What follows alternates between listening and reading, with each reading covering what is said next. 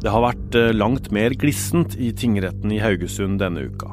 Men det som har blitt lagt fram i rettssal 14 har ikke nødvendigvis vært mindre viktig. Blei åstedet godt nok håndtert? Hva har den hemmelige etterforskninga gått ut på? Og hva sier mora til Jonny Vassbakk om hvordan han var i mai 1995? Det er blant eh, de mange spørsmåla som har blitt stilt i rettssakens uke to, hvor flere og flere mennesker har satt seg i vitneboksen og gitt sitt bidrag til det store bildet som til slutt skal kunne svare på spørsmålet Var det Jonny Vassbakk som drepte Birgitte Tengs? Flere venninner av Birgitte har møtt opp for tredje gang for å fortelle om den vonde tida da de mista venninna si. Noen har brutt sammen i gråt. Men samtidig presser mediene seg på. Er det greit? Jeg heter Tor Erling Tømt Ruud, og dette er Krimpodden i VG.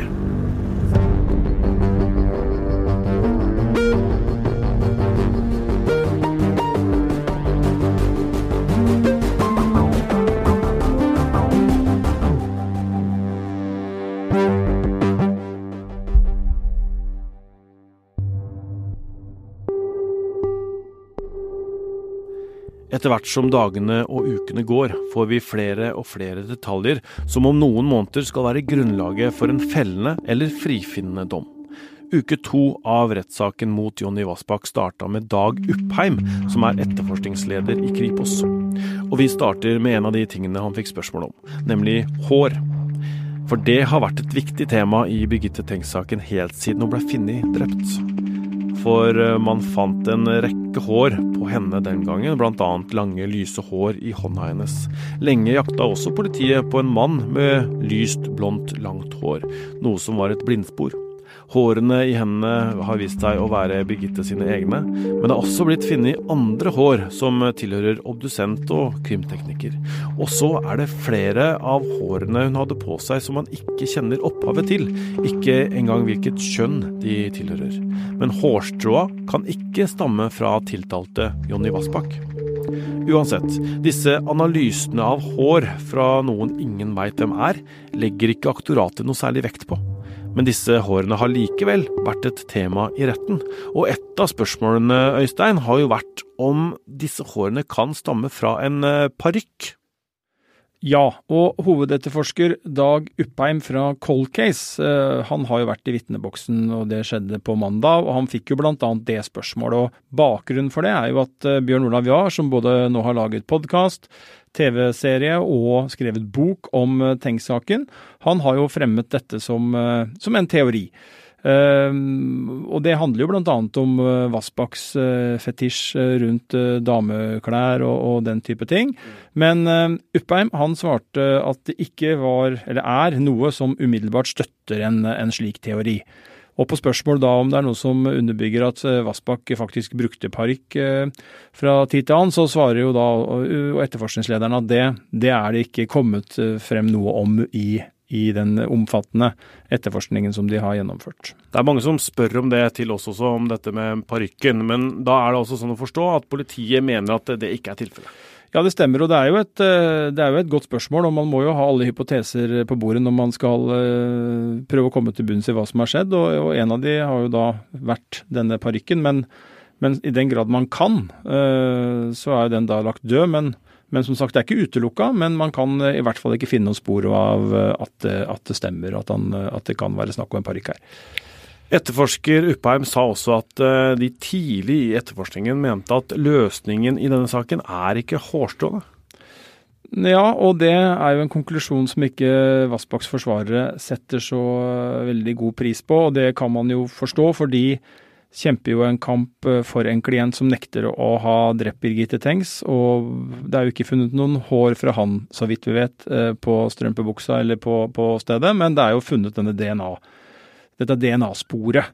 Og det er klart, De eh, bruker jo alt hva de kan for å så tvil rundt det, og da er jo ukjente spor generelt, og selvfølgelig da uidentifiserte hårstrå spesielt, interessant eh, for dem. Eh, og de advokatene, altså Stian Bråstein og Stian Christensen, de mener jo at det burde vært gjort langt mer for å komme til bunns i, i hvem sine hårstrå dette det var, som ble funnet på, på, Birgitte. Og selvfølgelig da også se om man kan si noe om, om det er grunn til å tenke at noen av dem handler om å ha en eh, gjerningsrelevans. Men, eh, men, der har man da ikke kommet i mål, og forsvarerne er misfornøyd med det. Ja, for det er funnet hår som man vet er fra Birgitte Tengs selv, og så er det funnet hår som stammer fra eh, en krimtekniker, hørte vi, og, og også obdusent. Men det er også funnet hår som, som ingen veit hvem er fra. Ja, det stemmer. Og det har man rett og slett ikke klart å finne ut av. Og så kan man jo diskutere om det er en svakhet, eller om det er noe som uh, det blir umulig å finne ut av. Altså Hår er jo, som vi vet, eh, Tor Erling, flyktig. Eh, og det er bare å se på sin egen jakke, så, så ser man uh, veldig ofte at det er veldig mange forskjellige hår. og også hår som helt åpenbart ikke tilhører en sjøl, kan det være snakk om. Ja, men, men, hvilket, men, hvilken bevisverdi kan da et hår ha? Det spørs jo helt på hårfunnet og hvordan, hvordan, og hvor det er funnet. Og vi vet jo fra f.eks. en sak som vi begge kjenner godt, Baneheia-saken, at et hårfunn kan ha veldig stor betydning.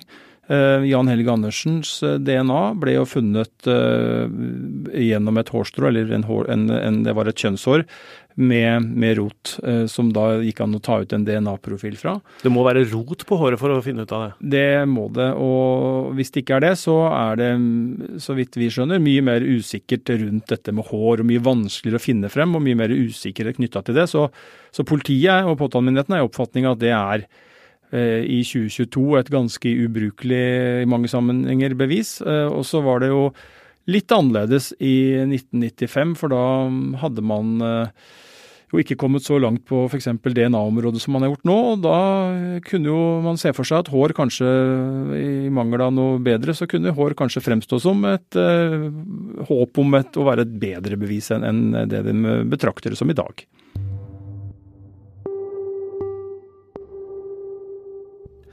Når ble Birgitte Tengs sist sett, og hva skjedde med henne etter det? I retten tidlig denne uka blei det snakka om de siste observasjonene av Birgitte denne fredagskvelden i mai. Som mange andre ungdommer så var hun på bedehuset Karmel på en fest, før hun forsøkte å komme seg hjem igjen. Hun blei funnet drept bare 400 meter fra sitt eget hjem morgenen etter. Saksanalytiker i Sør-Vest politidistrikt, Finn Arve Paulsen, satt i vitneboksen og forklarte. Det blei bl.a. vist videoer av de ulike veiene som leder til åstedet ved Gamle Sundsvei. Og det ble pekt og forklart og, og når 17-åringen sist ble sett, og hvem som hadde sett henne. Så har man da brukt en del tid i retten på tirsdag på å snakke om de siste observasjonene av Birgitte. Hva veit vi egentlig om dette?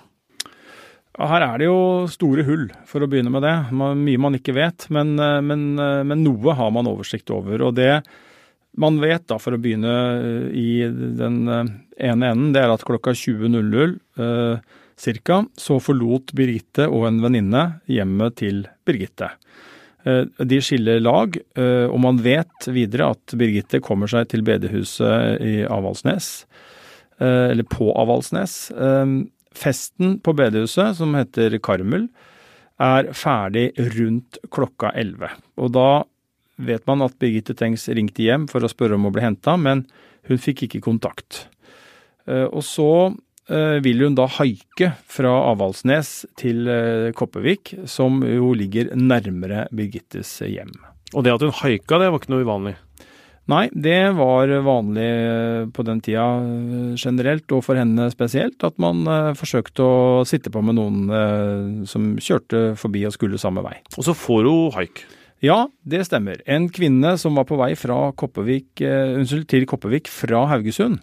Hun plukka henne opp og, og, kjørte henne, og hun spurte da underveis Birgitte om hun skulle kjøre henne hjem, men Birgitte Tengs takket nei til det. og hun eh, skiller da lag, eller skilte lag, med denne kvinnelige sjåføren i Kopervik sentrum. Og i Kopervik sentrum så er det jo da fredag kveld. Det er mange folk som er ute. Og det er flere som sier at de kan ha sett henne der, eh, men ingen har sett henne gående langs veien i disse rutene rundt på, på Karmøy der, da. Eh, når var siste observasjon av henne? Nei, alle spor, eh, sikre spor, stopper eh, her. Og rett etter midnatt klokka 00.10 utenfor Torfeus pub. Der er det en siste sikre observasjon av Birgitte Tengs. Og så er det store spørsmålet, den store gåten, er jo fortsatt hva skjedde uh, i uh, den første timen, andre timen, etter at uh, dette, den siste observasjonen ble gjort? Og Det ble også da tema i retten på tirsdag, fordi man så da på de forskjellige rutene som det er mulig å ta fra Kopervik til Gamle Sundvei, der hun ble funnet dagen etter. Hva kan du si om disse rutene? Nei, det er som du sier, eh, det er jo flere ruter, og man har jo forsøkt å finne ut om det er observasjoner der som er interessante, men det, det har man ikke klart å slå fast. Uh, så det er, det er, eh, Men man har jo, noen, man har jo en observasjon bl.a. av en, en, bil som kjører i, i susende fart mot åstedet. Uh, denne føreren har vært etterlyst, men har aldri meldt seg. og Det er jo det samme som vi har vært inne på før, Tor Erling. Vi har jo også en en bilobservasjon inne i Kopervik eh, av en, eh, og en kvinne eller jente som lener seg mot en bil, og den bilen mente vel vitner i mørket var grønnaktig. Um, og den har man jo etterlyst både føreren av, og man har etterlyst denne jenta, men heller ikke der har, har vedkommende, uh, noen av dem, har, har, meldt seg. Og det er jo interessant uten at man kan trekke noen konklusjoner, men det at noen ikke melder seg i en så stor sak med så mye fokus, det kan jo trekke i retning av at dette er eh, biler, personer som er involvert i saken, og som derfor ikke melder seg. Politiet sa at de, det, var, altså det er over 2000 avhør av folk eh, i denne saken her. Og i disse avhørene, eh, kan man finne observasjoner av Vassbakk der? Ingen har forklart at de har sett han, og det mm, er jo Eh, mener jeg, et svakt punkt for påtalemyndigheten. Vi vet fra andre saker at påtalemyndigheten gjerne forteller en historie eh, med flere elementer. Vi vet det fra Orderud-saken, hvor man har dette juleselskapet, planlegging, våpenbytte, og så skjer drapene. Men vi har Baneheia-saken, hvor man fortalte en historie om at Jan Helge Andersen og Viggo Kristiansen traff jentene, kom i, altså kom i kontakt med dem, eh, fortalte om noen kattunger, leda dem opp på åstedet. Og så vet vi også eller ble i hvert fall forklart da, hvordan man tok seg ut derfra. Eh, det, og det vet vi jo nå, vet vi at den historien er feil, men det er jo ikke poenget. Poenget er at påtalemyndigheten presenterte for retten en historie med en start og en slutt, som gjør at man kanskje i større grad kan eh, tro på det påtalemyndigheten fremfører. Her er jo ikke det tilfellet. Her ja, For de veit ikke noen ting om hvordan det? Her har man uh, ingen begrep om når Vassbakk, hvis han gjorde det, traff Birgitte Tengs, hvor det skjedde, hvordan det skjedde. Var, han, eh, var hun inne i bilen hans i det hele tatt, eller var hun ikke det? Alle disse spørsmålene er ubesvart. Det er ingen historie, det er kun et taust DNA-treff på en strømpebukse. Og det som det vil koke ned til her, er om, eh, om det er nok. Mm. Denne uka har vi også fått høre mer om hvordan Vassbakk for alvor havna i politiets søkelys etter de nye DNA-analysene i Østerrike i 2019. Da blei det satt i gang flere etterforskningsskritt mot ham, også skjulte metoder. Men politiet støtte på noen utfordringer. Blant annet kom det fram at politiet fikk problemer da de skulle speile Vassbakks PC. Å speile betyr å kopiere over alt som er på maskinen. Politiet hadde da tatt seg inn i huset hans mens han var borte. Det viste seg at alt datautstyret hans var innelåst i et skatoll i huset i Skudeneshavn. Dermed måtte de tilbake til adressen flere ganger enn ønskelig. Og det var denne etterforskningslederen i Kripos, Dag Uppheim, som fortalte om de hemmelige ransakingene og telefonavlyttinga. Men det var én ting han ikke ville svare på, og som frustrerte forsvarerne til Vassbakk. Brukte politiet undercover-agenter i etterforskninga? Til det svarte Uppheim at jeg kan verken bekrefte eller avkrefte det, og at det ikke var omfatta av vitneplikten hans. Dagen etter så ba forsvarerne aktoratet om svar, og dette svarte de til forsvarer Stian Christensen.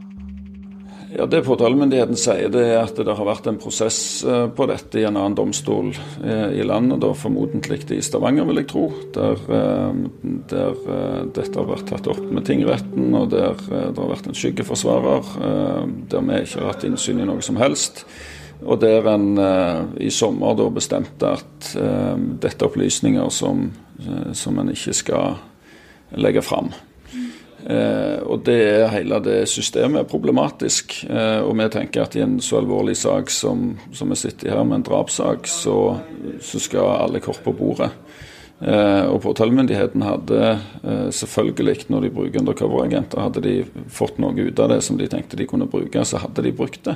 Um, og da tenker vi da bør de være så skvære at de òg uh, sier og legger fram hva de har gjort, hvilke perioder har vi gjort det, hva har vi benytta, og hva var tanken vår bak å, å infiltrere eh, Jonny sitt liv, da. Uh, for det har en bevisverdi for oss at de ikke finner noe òg. Uh, og vi tenker det er viktig for retten å få vite at de ikke fant noe. Så det vi for så vidt har fått ut av dagen i dag Nå har vi jo bedt Eh, tingretten tar stilling til dette. Men det vi har fått ut av det, er jo eh, etter vårt syn at de bekrefter, uten å si det, at det har vært eh, undercover-agenter på jobb. Men de vil ikke si noe mer. Det var det altså Jonny Vassbakks forsvarer sa da VG-reporter Ingrid Bergo møtte ham i gangen onsdag denne uken. Men Øystein, denne etterforskningslederen fra Kripos, snakka om at dette med undercover-agenter ikke var omfatta av vitneplikten hans. Eh, aller først, hva er egentlig vitneplikt? Nei, Du har i utgangspunkt en plikt til å forklare deg for domstolen, og så finnes det noen unntak. Og Et av de unntakene er hvis du støter borti eh, f.eks. ting som du har taushetsplikt om. Uh, og det kan hende at det er det det handler om her. Uh, og så kan vi, vi se da, om forsvarerne følger opp det videre og tenker at det er noe de vil utfordre. Om det er en taushetsplikt som man må oppheve, eller om man på et eller annet vis kan få svar på de spørsmålene de stiller. fordi jeg mener jo at det er et veldig legitimt spørsmål, og en, og en, veldig, en sak skal opplyses så mye som mulig. og jeg, jeg, skjønner jo at forsvarerne mener at det er et vesentlig poeng å få vite hva slags etterforskningsmetoder man har brukt mot uh, mot Vassbakk. Eh, og hvis det er riktig at man har brukt, brukt såkalte undercover-agenter eller UC-agenter, eh, så er det for det første én viktig og riktig for forsvarerne å få vite det. Og to så er det et argument for dem at eh, heller ikke da, i så fall, har det kommet frem noe som tyder på at Vassbakk er skyldig, for det er jo et forsvarerpoeng. Det har vært en omfattende etterforskning mot ham, eh, også på hemmelige, det hemmelige plan, og noe vet man. Man vet han har vært avlytta, man vet at de har avlest PC-en hans, hatt hemmelig ransaking, men man vet altså ikke om disse undercover-agentene har forsøkt å Om de fins, om det er riktig at de har forsøkt å ta kontakt med han. Og det eh, vil jo da, hvis det stemmer, og da vet vi at ikke de har fått noe ut av det, og det er jo et eh, forsvarerpoeng. Ja, Upheim vil ikke si noe om det, men, men vi vet jo litt om undercover brukt i denne saken her. Det gjør vi. Uh, I hvert fall det vi tror er det, og det Vassbakk sjøl tror er et undercover-stunt. Uh, vi vet at på et tidspunkt så ble han påkjørt av to damer som sa de Ja, jeg tror de sa de solgte dameundertøy, eller skulle på en eller annen messe. Altså de hadde i hvert fall dameundertøy. Og Det er jo, syns forsvarerne, påfallende at uh, akkurat han, med en fetisj for nettopp dameundertøy, skal bli påkjørt av noen damer som, uh, som selger det. Uh, og det er jo ofte sånn. Er ting for utrolig til å være sant, så er det ikke sant. Og, og da tenker jeg at det er ikke noen dårlig hypotese at dette var to politidamer som forsøkte å få kontakt. Og de, For det som også skjedde videre, var, som han reagerte på, var jo at de de, var, de ga seg ikke med det. Altså de, de, var veldig pågående og spilte opp en rekke muligheter for at disse kunne treffes igjen. De ønska sterkt å treffe Vassbakk, knytte mm. kontakt til han. Eh, blant annet så spurte de litt om et verksted, og han kunne bistå med det. De spurte om han kunne lagre klærne. Altså Det var flere ting da som de liksom, Vi vil ha kontakt med, med deg. Eh, og det mm, syns jo han var veldig rart, og ville jo ikke det. Og, og det, det, da døde jo det ut. Uh, og, og, så får vi jo se da om det vi noen gang får svaret på om dette var, var de såkalte undercover-agentene. Mm. Hva veit vi om de andre skjulte metodene? Du nevnte avlytting og sånne ting.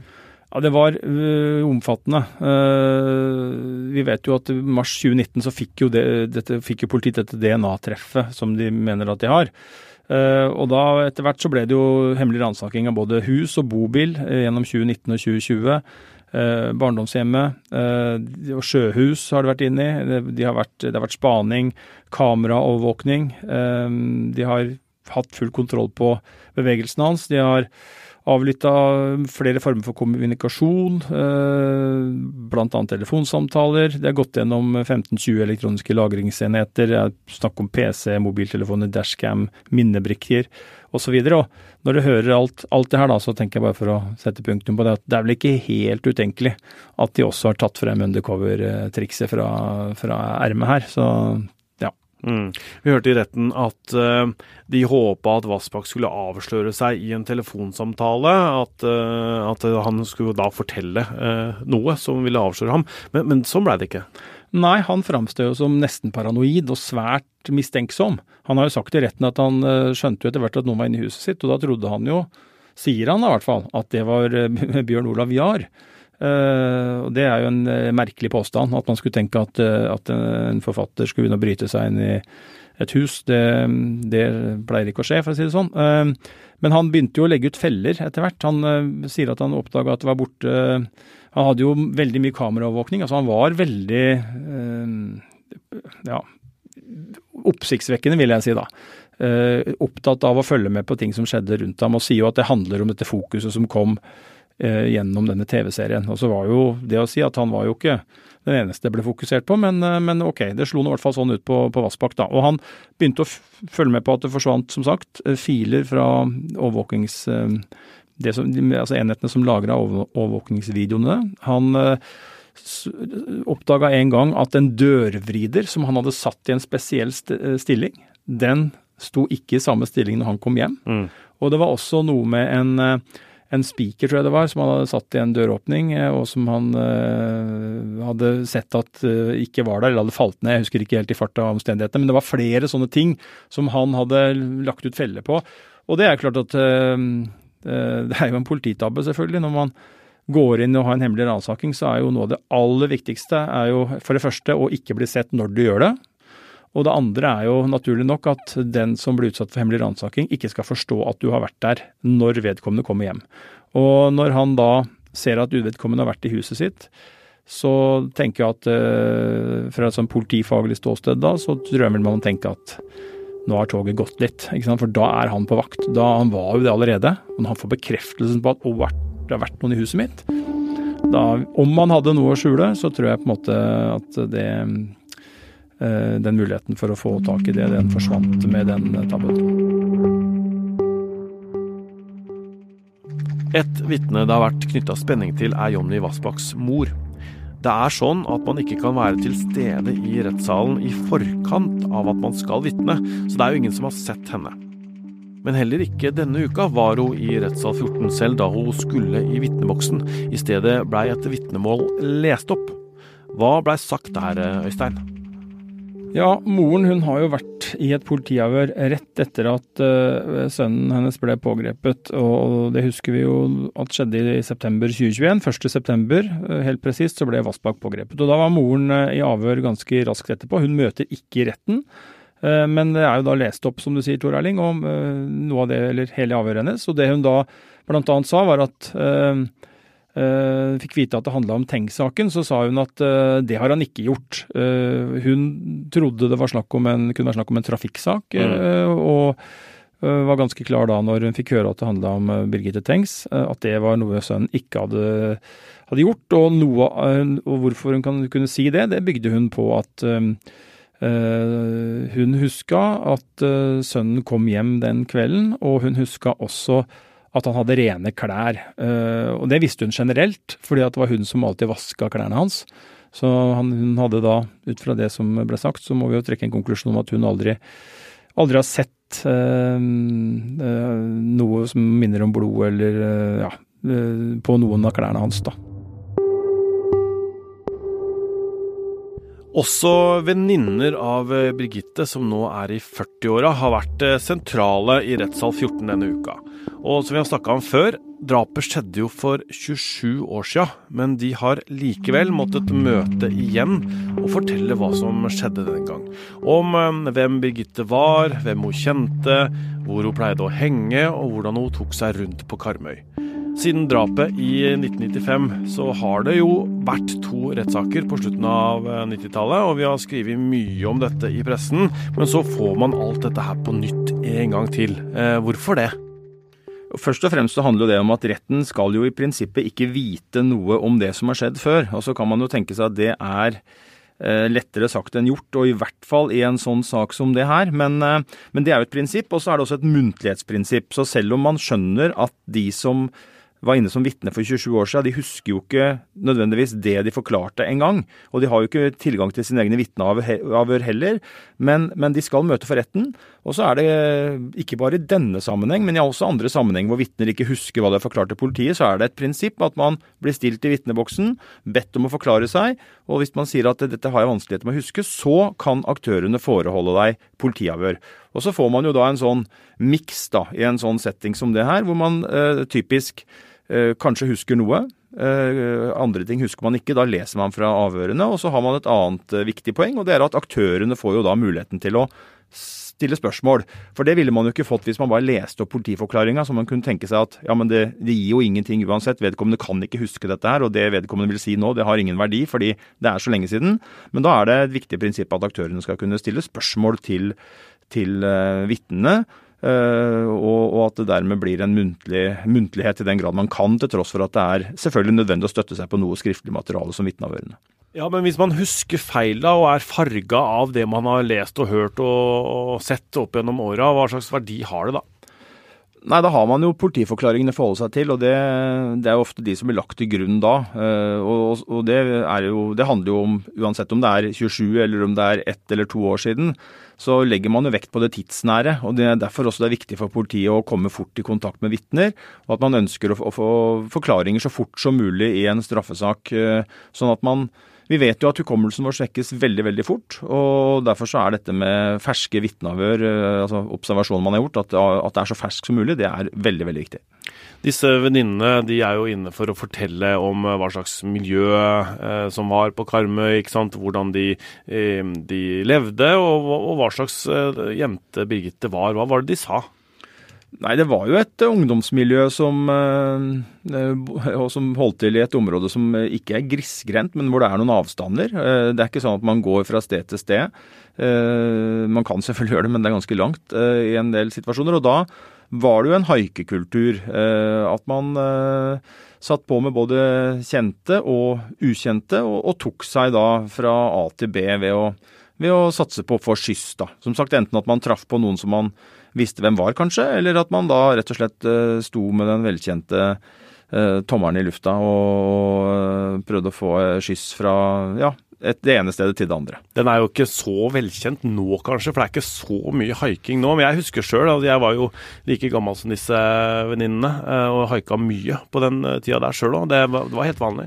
Det var helt vanlig, og så var det jo eh, litt ulikt hvor trygt det var. Ikke fordi at det nødvendigvis kjørte rundt veldig mange overfalls, potensielle overfallsmenn, men, men det, jo, det ble jo kjørt fort til tider. og ja, det var jo ikke en helt uh, risikofri uh, generelt da, å, å, haike, og det er kanskje derfor det også har blitt mindre av det. Uh, at, at ja, mm, samfunnet har endra seg. Mm.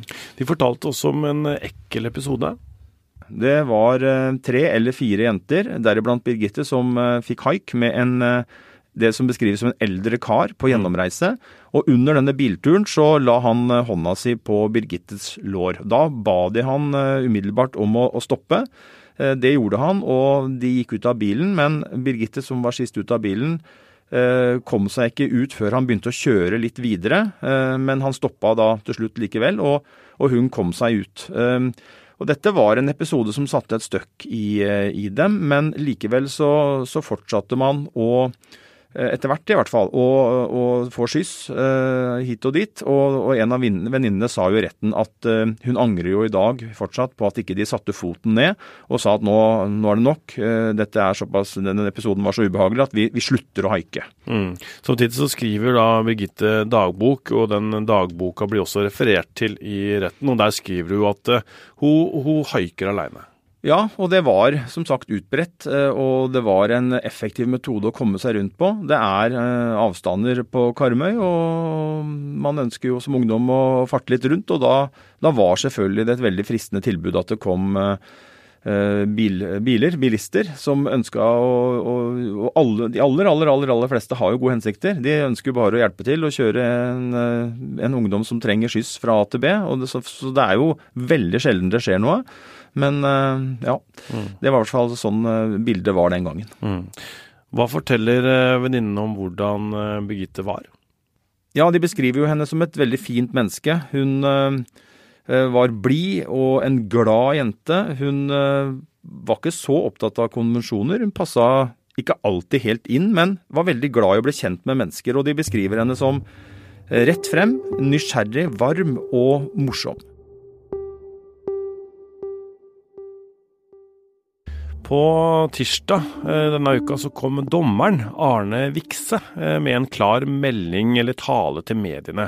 Og han eh, kritiserte oss for å ha kontakta vitner i denne rettssaken, både før og etter deres forklaringer i retten. Disse barndomsvenninnene som vi har snakka om nå, hadde jo da gitt uttrykk for at de ikke syntes at det var noe greit. Og, og som Vikse sa selv, særlig det å kontakte vitner i forkant av forklaringa, må jeg reise en pekefinger mot, sa han fra dommerbenken der.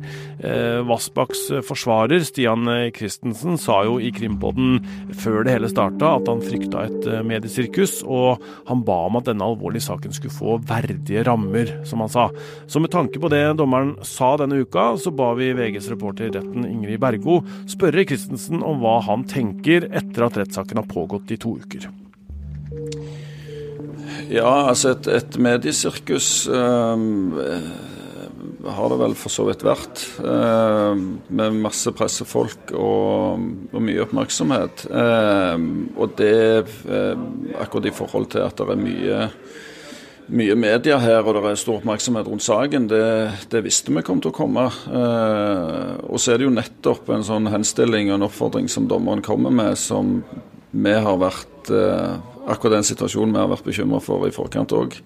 Nemlig at media kontakter vitner, eh, og at det eh, blir en ekstra påkjenning for vitner da, som skal komme og forklare seg. Eh, så jeg støtter jo den oppfordringen som dommeren kom med, og oppfordrer jo òg pressen til å vise edruelighet i forhold til de vitnene som, som, skal inn og vitne i saken. Og Da sikrer vi oss jo bedre forklaringer òg, hvis ikke på en måte en skal intervjues og forholdes opplysninger på forhånd. Hva tenker du om det dommeren og forsvareren her eh, sier, Øystein? Dette er jo ingen ny problemstilling, eh, og det er heller ikke eh, spesielt at det skjer i en sak som er så omfattende og stor, og som har et helt spesielt bakteppe her.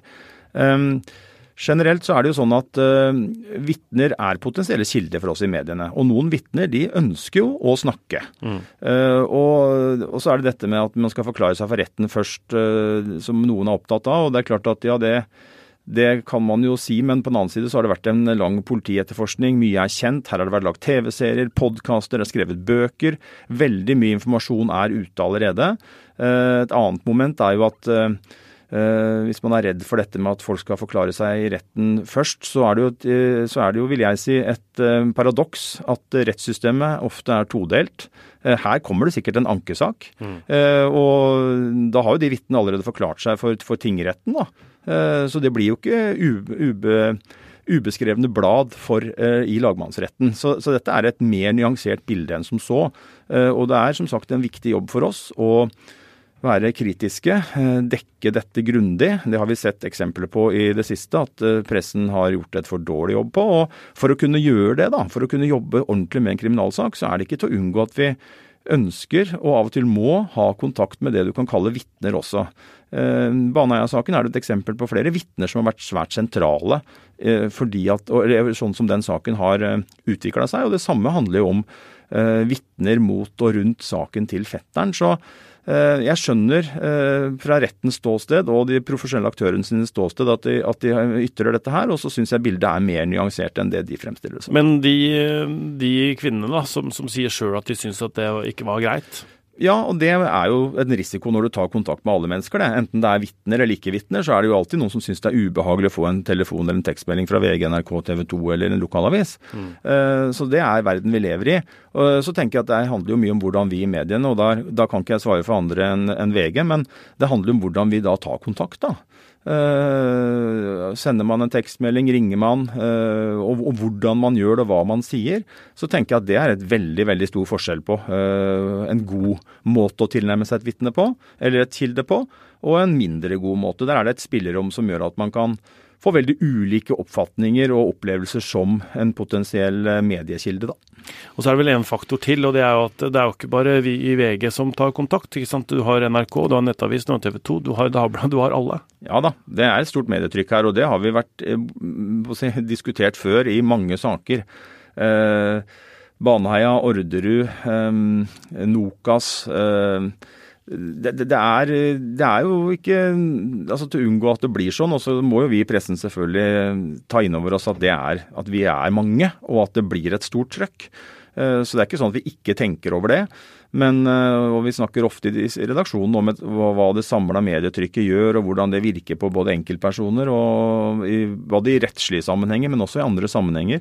Så dette er jo, en, eh, dette er jo ikke noe sånn, dette er ikke noe fasitsvar på det her. og det er jo for å snu på det, da. Jeg syns det blir veldig rart, og jeg vil slå alarm, hvis pressen skulle innta en rolle hvor man aldri tar kontakt med noen som skal vitne i en, en, stor og viktig rettssak. Hvis det skulle bli et prinsipp, så er vi på ville veier. Eh, og så er det den balansen som vi må prøve å finne. Og så vil det alltid være sånn at når det ikke er noen eh, enten-eller, så vil det være situasjoner hvor hvor man kan uh, oppleve at, uh, at uh, noen vil problematisere det eller synes det er ubehagelig. En av dem som eh, var i den første politipatruljen som kom på åstedet, satt lenge i vitneboksen på torsdag.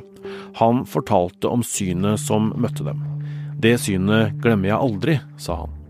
Han forklarte at de var helt påskrudd da de kom, og skjønte hva dette dreide seg om. Og så begynte de raskt å ta vare på spor rundt åstedet og i terrenget. Det blei bl.a. vist bilder av plasten de brukte for å dekke til alle spora eh, fram til åstedet. På bildene kan man også se den nye inngangen til åstedet som politimennene laga da de blei klar over at dette var et drap. Dette gjorde de for å ikke ødelegge eventuelle spor. Hvorfor er det viktig for retten å få vite hvordan eh, de første på, på åstedet arbeida? Ja, det handler om en av de store temaene i denne saken, og det er jo, det er jo kontaminering eh, av, spor, av, eh, bevis, eller av spor her. Sporsikring. Eh, og vi har jo allerede hørt forsvarerne ganske mange ganger eh, lansere muligheter for, og en teori om, at Vassbakks Y-kromosom ikke har havna på den strømpebuksa i forbindelse med en drapshandling, men at den har kommet dit før eller etter. Og da er det jo særlig det, eller e, egentlig bare det med etter som er tema her. Og da er det jo Altså I det øyeblikk den første både politimannen eller kvinnen eller øh, den som fant Birgitte kommer inn på det åstedet hvor hun ligger, så starter jo en potensiell forurensning. Da kan det komme noen eh, som enten har på seg noe, eller på klærne sine, eller med seg noe, eller, eller sjøl avsetter eh, Eller ja, at man mister hår eller eh, DNA, eller at man da ja, får den problemstillingen med smitte. Vi har hørt også i retten om denne plastikken som ble brukt, og om den var rein eller ikke rein. Masse sånne detaljer som kommer til å bli viktige også i ukene fremover, fordi at man må forsøke å bringe klarhet i så mye som så langt det er mulig, om, om hvor stor eller liten sjansen for at det er noe oversmitte er, eh, finnes her. Og så hørte vi jo åstedseksperten Per Angel sa i Krimpoden i den eh, episoden vi la ut i går, eh, at, at sånn var det eh, på 90-tallet. Altså de politifolka eh, som kom på dette åstedet, jobba eh, så godt de kunne ut ifra de forutsetningene de hadde. Og så har utviklingen kanskje skjedd og teknologien blitt bedre og sånne ting, men, men de forteller jo at de var påskudd. De, de, de visste hva de skulle gjøre. Ja da, og jeg satt senest i går og leste noen gamle dokumenter fra enda tidligere, fra starten på 90-tallet. og der står det jo eh, at eh, de som kom til åstedet var bevisst på at de ikke tok på noe, hadde på seg hansker, de tok på seg skoovertrekk, de skulle inn et, på et drapsåsted eh, i en, en sak. Så, så, det er klart at dette har man jo vært bevisst på. I den saken så ble også et fotspor veldig viktig. Skoavtrykk etter drapsmannen, som viste seg å være drapsmannen. Men, så det er ikke sånn at man var bevisstløs, men samtidig så er det jo ikke tvil om at man har en helt annen situasjon i dag i forhold til den gangen. Og så blir det da opp til retten å vurdere all den informasjonen man får, om det er en sannsynlighet for at dette DNA-beviset som påtalemyndigheten fremholder som et kronbevis, og et helt avgjørende bevis hvis Vassbakk skal felles, det må jo da retten vurdere om hvor sikkert er det rett og slett at det har kommet på strømpebuksa under en drapshandling, som påtalemyndigheten påstår. Det kommer denne saken fortsatt til å handle om. Mm. Eh, bonden som eh, fant Birgitte død, satt også i vitneboksen denne uka her. og Han måtte da dra opp minnene fra, fra mai i 1995. Hva beit du deg merke i av hva han sa? Nei, Det var en interessant eh, vitnebeskrivelse, eller en, et vitnemål. fordi at han har jeg ikke eh, fått med meg helt før, så jeg leste det med stor interesse. og det er jo en forferdelig opplevelse han hadde. Han kommer kjørende og ser disse blodsporene og skjønner at her er det kanskje skjedd noe med et menneske, og går inn og ser en død kropp ligge inne i dette busskasset hvor både du og jeg har vært, eh, Tor Erling. Og han oppdaga jo også at dette var, eh, etter hvert, da, at dette var en jente han kjente godt. Eh, han var jo, er, en god venn med faren til Birgitte, Torgeir Tengs. Eh, og opplevde da å finne Torgeir Tengs sin datter og brutalt drept. Eh, eh, han sier jo i retten, og det kan man jo forstå, at det som han opplevde 6. mai 1995, det har brent seg fast, og at det var helt jævlig. Mm. Og så er han jo veldig kritisk til politiets arbeid, helt fra starten, da, i forlengelsen av det vi akkurat snakka om. Dette med, med sporsikring er det ene, men han følte også at de ikke tok meldinga da han ringte alvorlig. Han satt med en følelse at de trodde, at han, de trodde det var en tulleoppringning når han ringte inn da ganske tidlig på morgenen den lørdagen og sa at han hadde funnet en død person. Og så mm, er hans oppfatning at når de kom, altså politiet, så virka de tafatte. Eh, da spurte de om han kunne hente plast, eh, og da snakka vi om problemstillingen rundt det. Altså dette med om den plasten var rein eller ikke rein. Og han, bonden, garanterer ikke at den var rein. Um, og han mente jo heller at politiet ikke noterte godt nok fra avhørene. Uh, han sier at han brukte mye tid på å korrigere det som ble protokollert, og mener fortsatt at det er noe som ikke ble ordrett riktig. Og mm. det er jo uh, det er jo ikke bra. Så han etterlyser jo at politiet erkjenner at arbeidet ikke var godt nok den gangen. Og jeg tror også han sa at mange på Karmøy fortsatt var forbanna og sinte på den jobben politiet gjorde, og syntes den var for dårlig. Ja, eh, heller ikke neste uke så kommer vi med én episode hver dag. Eh, det har vi dessverre ikke mulighet til å lage, men vi skal oppsummere Tenk-saken også neste uke. Hva er det som kommer til å skje da, Øystein? Litt forskjellige ting. Eh, det kommer et åstedsvitne, og så kommer en krimtekniker, eller om det er flere, som har vurdert sporene da i dag. Um, og så er det en gjennomgang av eh, et avhør med Vassbakk som ble tatt uh, eh, 24.3 i Altså før drapet, dette? Før drapene, og det handler sannsynligvis om uh, et stikkord i denne kjøreplanen som uh, heter 'Sammenstøt på Costa i mars 95'. Og Costa det var altså da et utested. Mm. Så vet vi ikke så veldig mye om, om hva som kommer der enn en akkurat det vi sier nå, Tor Erling. Og så er det jo kanskje aller mest spenning knytta til befaringen. Ehm, selv om det er en litt sånn standard eh, sak, det òg. Men da skal altså hele retten eh, med pressen på slep eh, ut til åstedet, hvor både aktører og dommere skal få se, få se området. Og de skal også kjøre, tror jeg, Eh, noen ruter og se litt på forskjellige eh, muligheter fra Koppevik og ut til eh, det åstedet på Gamle Sundvei. Så det blir en, en, hel dag med det, og den er beramma til onsdag og vil selvfølgelig bli dekka av oss her i VG, selv om ikke vi i Krimpodden kommer til å gjøre noe eget på det. Kommer tiltalte til å være der, da? Det har han muligheten til, men han kan også la være. Så det vil nok kanskje ikke bli avgjort før det nærmer seg, vil jeg tro. Det er ikke bare Birgitte Tengs-saken det handler om i Krimpodden, for på mandag så legger vi ut en ny dokumentar. Denne gangen så følger vi opp et eh, tips som kom inn til oss i Krimpodden. Og Øystein, du har vært ute i skogen og sett etter spor etter en kvinne som forsvant i 2007.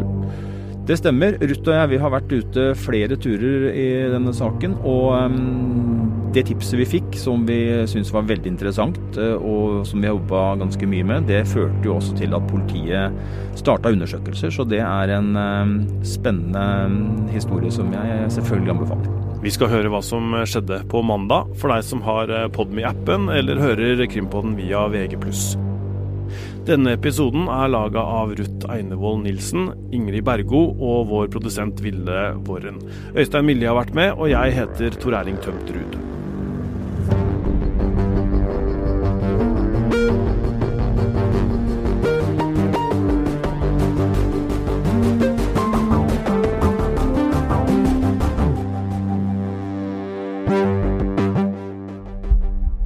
Du har hørt en podkast fra VG. Ansvarlig redaktør, Gard Steiro.